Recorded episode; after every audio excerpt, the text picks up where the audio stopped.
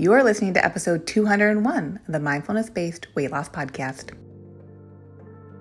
Welcome to the Mindfulness Based Weight Loss Podcast, the show for women like you who have tried restrictive diet after diet and are ready for simple, thoughtful solutions to help you sustainably lose weight for the last time from a place of abundance and peace.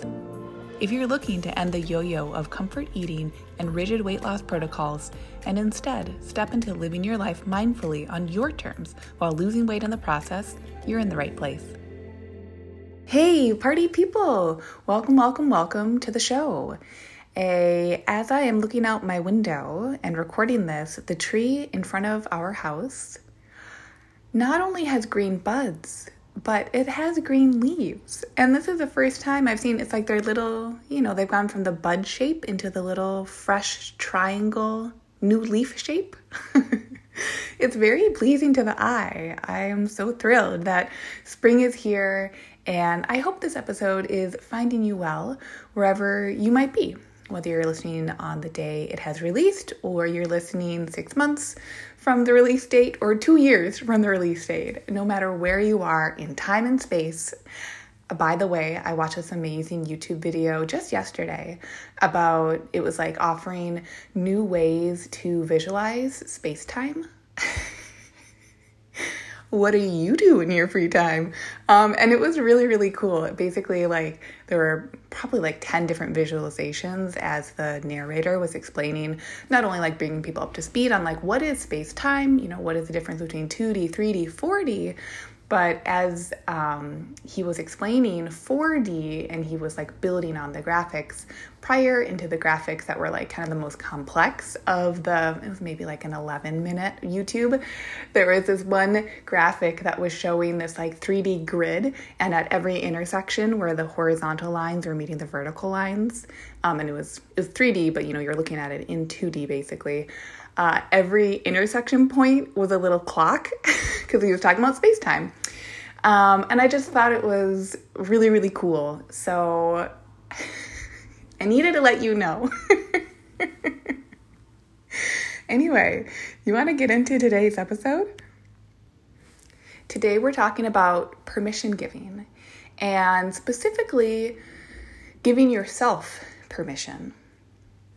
You know, if I look at if I if I boil down and I condense the ways in which we can approach weight loss that are loving, that are kind, that are mindful, and that build us up instead of tearing us down.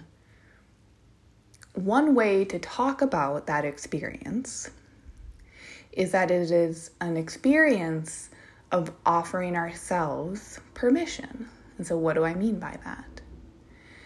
First and foremost, a lot of the people that I think listen to this show and or that work with me or that use, you know, the techniques that I talk about on this show, a lot of them are clearly very capable at doing diets. Like you've done a diet or two or 10 or 20 in your lifetime. And you're also, in one way, shape, or form, have engaged with the idea that if you aren't doing diets, then you are anti diet, or that there's a space of being in anti diet culture. And I think I used to speak to that more, but I know that throughout the years, I, I have always felt a bit like an odd duck out, and not in a bad way, but because I am someone who has lost weight. It felt loving, and it felt like the only parts that weren't loving with weight loss were the expectations put on me by society or the judgments and opinions of others before my weight loss, during my weight loss, and after my weight loss, and comparing me without my permission against myself, right? Comparing the Lucia who lost a certain amount of weight to the Lucia before, or the Lucia during to the Lucia after. And so, as I have been sitting back and thinking about these different ways to describe kind of the, the feeling, right? Because the tangibles, I talk about that a ton on here. E- even last episode, right? Episode 200, I really offered a ton of the tangibles of how to lose weight without dieting, right? Like how you're choosing to eat from your values for the rest of your life and how that will offer you weight loss if that's what you desire, right? Very cut and dry there, to be honest. And so when we switch from those tangible ways of addressing weight loss into and moving towards the intangible, which are the thoughts, the feelings, the beliefs, like the not the tangible structures, but almost like the emotional, dare I say, like philosophical structures of weight loss. One of the core themes and core tenets that I think is really important to at least witness is the idea that weight loss can be permission giving in the same way that never thinking about weight again can be permission giving. And so, permission when it comes to weight loss to me, there's just a couple key points I want to offer you today. And the first key point is this you have the radical permission to lose weight if you'd like. And you have the radical permission to not lose weight if you'd like. You see, the weight loss itself is a neutral occurrence. And when I say neutral, I mean it's matter of fact. But what, what will turn something matter of fact into a goal or a desire are the reasons and then the intentions behind it. And so, of course, this is why I think values work, core values work, is so integral to losing weight in a way that aligns with how you define a life well lived. And for me, this is a, I think, a huge part, and a part that I think is so unique to each person that there's no way a podcast or even a way of, like, let's just say a diet, right? Like a diet or something that someone is offering you there's no way that something that is prescriptive and has to be, right? Like we have to offer labels to a diet. We have to be able to describe it and make it really tangible. There's no way that the tangibles can offer you fulfillment in your life. They just can't. They can offer you balanced blood sugar levels. They can offer you um, enough energy. They can offer you insights into what does and doesn't feel good and why in your body. But at the end of the day, what will be the most useful use of your time is the radical permission slip that you will give yourself to do whatever it is that you might want to do without having to second guess it or reflect ad nauseum on it. I really want you to think about and almost stop thinking about and more so feel about. And when I say feel about, I mean like and bring yourself back into your present moment. What can you see? Name it. What do your feet feel? Name what it feels. They feel.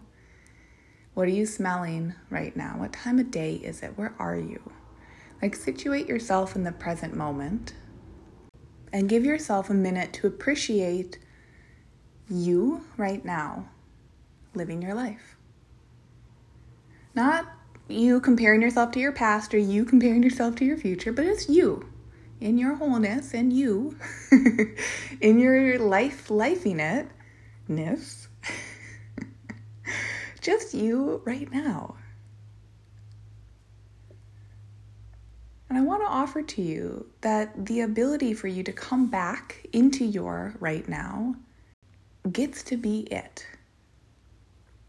You see, if you look at any of the tangible structures for weight loss, some of the most effective ones are the ones that allow you to practice being in the here and now. That's why it is very, very useful to take 30 seconds the night before or the morning of to write out your food plan for the day. It's not so that you can be good or be bad, but it's so that you can be with any emotions that might come up from a place of reflection when you're eating your chosen lunch and you're having feelings about it, instead of being in reaction. And the reason that that ties into permission giving, the reason I'm saying, hey, think about your present moment, be with your present moment right now, is that if we're always in the past and the future,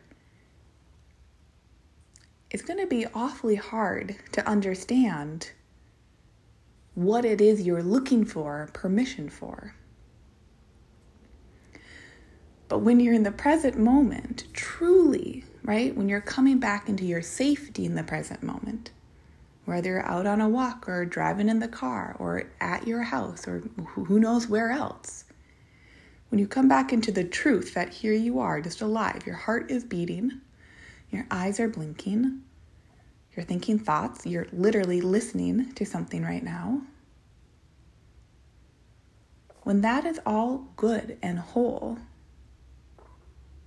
it's from that place that the radical permission giving can offer insights into the why that you have desires and goals. So, without having to second guess yourself, I want you to offer yourself this week. I'm just gonna, I have permission. I don't need to wait for it, it won't come. I choose it. And that act isn't something that I practice for tomorrow.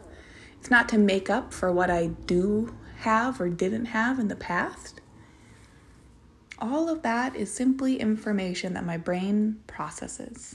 But what is true is the here and now. And so, in the here and now, from the here and now, what would I like to offer myself permission for? When you practice permission giving in the present moment. And really, the permission of saying, I don't need to bounce from the past to the present. I don't need to bounce to social media. I don't need to bounce to my inbox. I don't need to bounce from thinking about lunch to my next Zoom meeting to the errands that I have to run or that I'm not going to run. When you just let all that stuff be and you give yourself permission to be in the present, I promise you it's very illuminating. And it's it doesn't even have to be, right? As I'm describing this, some of you might be thinking like, "Okay, so you want me to meditate?" Because isn't that what being present is? Isn't that what mindfulness is? Yeah, for sure. Mindfulness is a practice that we can offer ourselves and create some reverence around and start to create as a habit in and of itself. But I also believe that presentness isn't another thing that has to be done and put on our to do list. It's not going to decide whether we're having a good or bad day. The presentness and the permission to do what we want from our presentness. That's different than saying, oh, I'm feeling a big emotion, I'm gonna go follow that, right? Like, oh, it's it's almost the opposite. This is the type of permission that I'm talking about. I'm not saying, oh, you want to go eat some gummy bears, go eat the gummy bears, right? Like, if you really dig into that, that's most of the time, that's the opposite of being present. And so, the permission that I'm talking about today is the permission to be with yourself fully without practicing escaping it. And when you're with yourself fully, more fully, right, in a more whole way, you perfectionist. it's not going to be perfect ever, okay? But when you are practicing being with yourself more wholly in that present moment, I just want to ask the question isn't that the whole point? Is that not the point of losing weight and being able to slip into the clothes that you want to slip into? Or effortlessly do the hikes and the hard hikes that you've been feeling less able to do or that feel like they're difficult on certain joints in your body? Is that not about like waking up with your alarm bright eyed and bushy tailed? Is that not about the ability for you to pick and choose when you want vegetables, when you want dessert, without second guessing yourself. Isn't that the point? Is the permission to be present. And so, what I'm saying here today is that the way that you quote unquote get that, the way that you facilitate your presentness at 25 pounds lost, or 40 pounds lost, or 80, or 150, or 10, or 5, the way that that presentness in your life is obtained is by you practicing that today. Do you hear me with that? It's a really, really big, it's a big flip. It's like, there's no way I think you could put the batteries in more backwards or that diet culture feels like you like are putting the batteries in more backwards than what it preaches. And I say that kind of lovingly. You know, at this point, yes, diet culture has really created quite a horrible uh, tea that many of us are brewing in. But the beauty of what has been painful from diet culture is that if we would so like, we can learn. If we would like, we can understand how it doesn't align with our values, and therefore we are a step closer to what it is we value. If we would so like, we can leverage our experiences to support us and to support what it is that we desire in the world, in our lives. And maybe you've heard that before, but hopefully, with this episode, I hope that what you're hearing is that we don't we don't need to practice anything that we don't want to practice. Right? That's the difference between doing a diet and not doing a diet right? The liberation for a lot of people is primarily whole and processed foods, balanced blood sugar levels, and the ability to understand very clearly what does or doesn't offer weight gain, weight loss, or weight maintenance. And it's the clarity of what we offer ourselves more times than not from what from my vantage point, what I see, what I've experienced myself personally and what I see with clients, what I see in my community, people at large the liberation is that clarity. And so the clarity is an intangible occurrence, but it occurs through alignment with the tangibles. And that is why I think diet culture is very confusing and why it can feel honestly odd to extricate ourselves from diet culture. Because, on the one hand, hasn't it taught us some great information about food and nutrition? And on the other hand, hasn't it taught us some intangible ways of obtaining that tangible information that, quite frankly, leaves us feeling less than? Or like we need to be searching or pursuing something because we are less than. So, the battery being put in backwards here is that by you practicing your presentness, you practicing the radical permission to be in your present moment. No ifs, ands, buts, exceptions, justs, shoulds, anyways about it. That's the clarity practice that I promise you will help you put the next foot down so that you are taking one step at a time, not towards empty weight loss goals, but towards weight loss goals that are in alignment with what you value and in alignment with how you desire and are now living your life. Because you know, a life well lived is simply a string of days that you're proud of, like a day well lived, and then another day well lived, all the while knowing that life will not be perfect and that you're in charge of your reaction to that right? That there are hard times. That doesn't mean anything's gone wrong, that there are great times.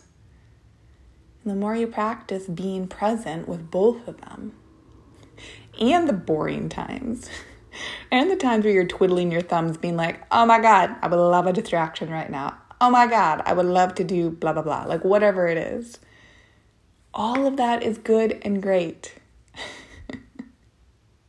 it is the radical permission slip to do what you want from your reflection in order to be living a life well lived as defined by you.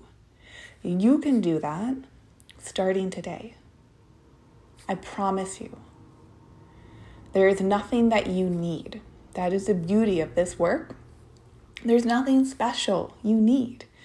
There's nothing that you need to buy. There's no superfood. There's no exercise equipment. There's no special pen. There's no extra page you need to follow online. Like, there's no daily emails. Like, none of that stuff is the change agent. You are. And isn't that glorious? So I hope today's episode found you well. I hope it's a bit of a spin on permission and permission giving and permission slips and the pursuit of weight loss, which truly is an invitation for weight loss to occur. Think about it in that way as well. It's a pursuit of like openness, of saying, well, of course I know what my actions create because I've included intentional clarity for myself. I've included presentness. I practice being with myself in reflection. Not studious reflection, just like literally, like being with yourself. That is an, an action of reflection. I really see it time and time again with clients who do the work. The work isn't always going to be the A plus, picture perfect. You did everything absolutely perfectly and you got the gold star and you lost the weight or you accomplished the 5K or you did, you know, you only ate green vegetables. Like all that stuff can add into a life well lived, but you, my friend, just get to define what a life well lived in. And then from there, you rock and roll with it. So that's your homework for the week is you practicing in the ways that align for you and light you up your presentness. And from that presentness, cultivating and expanding upon and grounding into, rooting down into your life well lived as defined by you. So, thank you so much for being here. It is a thrill to offer these podcast episodes every single week. Like I said at the start of the episode, I hope it finds you so well, and I'll see you on next week's episode. Bye. Hey, if you love today's show, I'd love for you to take a minute and give a rating with a review. If you too are ready for more women to make life choices from loving mindfulness, that means we need more women listening to this message so they know it's available to them and they can do it too. And if you're ready yourself, come join Lean and Liberated, where we'll work together and you'll learn how to take this process to the next level in your weight loss goals, life desires, and beyond. Go to luciahawley.com, that's L U C I A H A W L E Y.com to connect.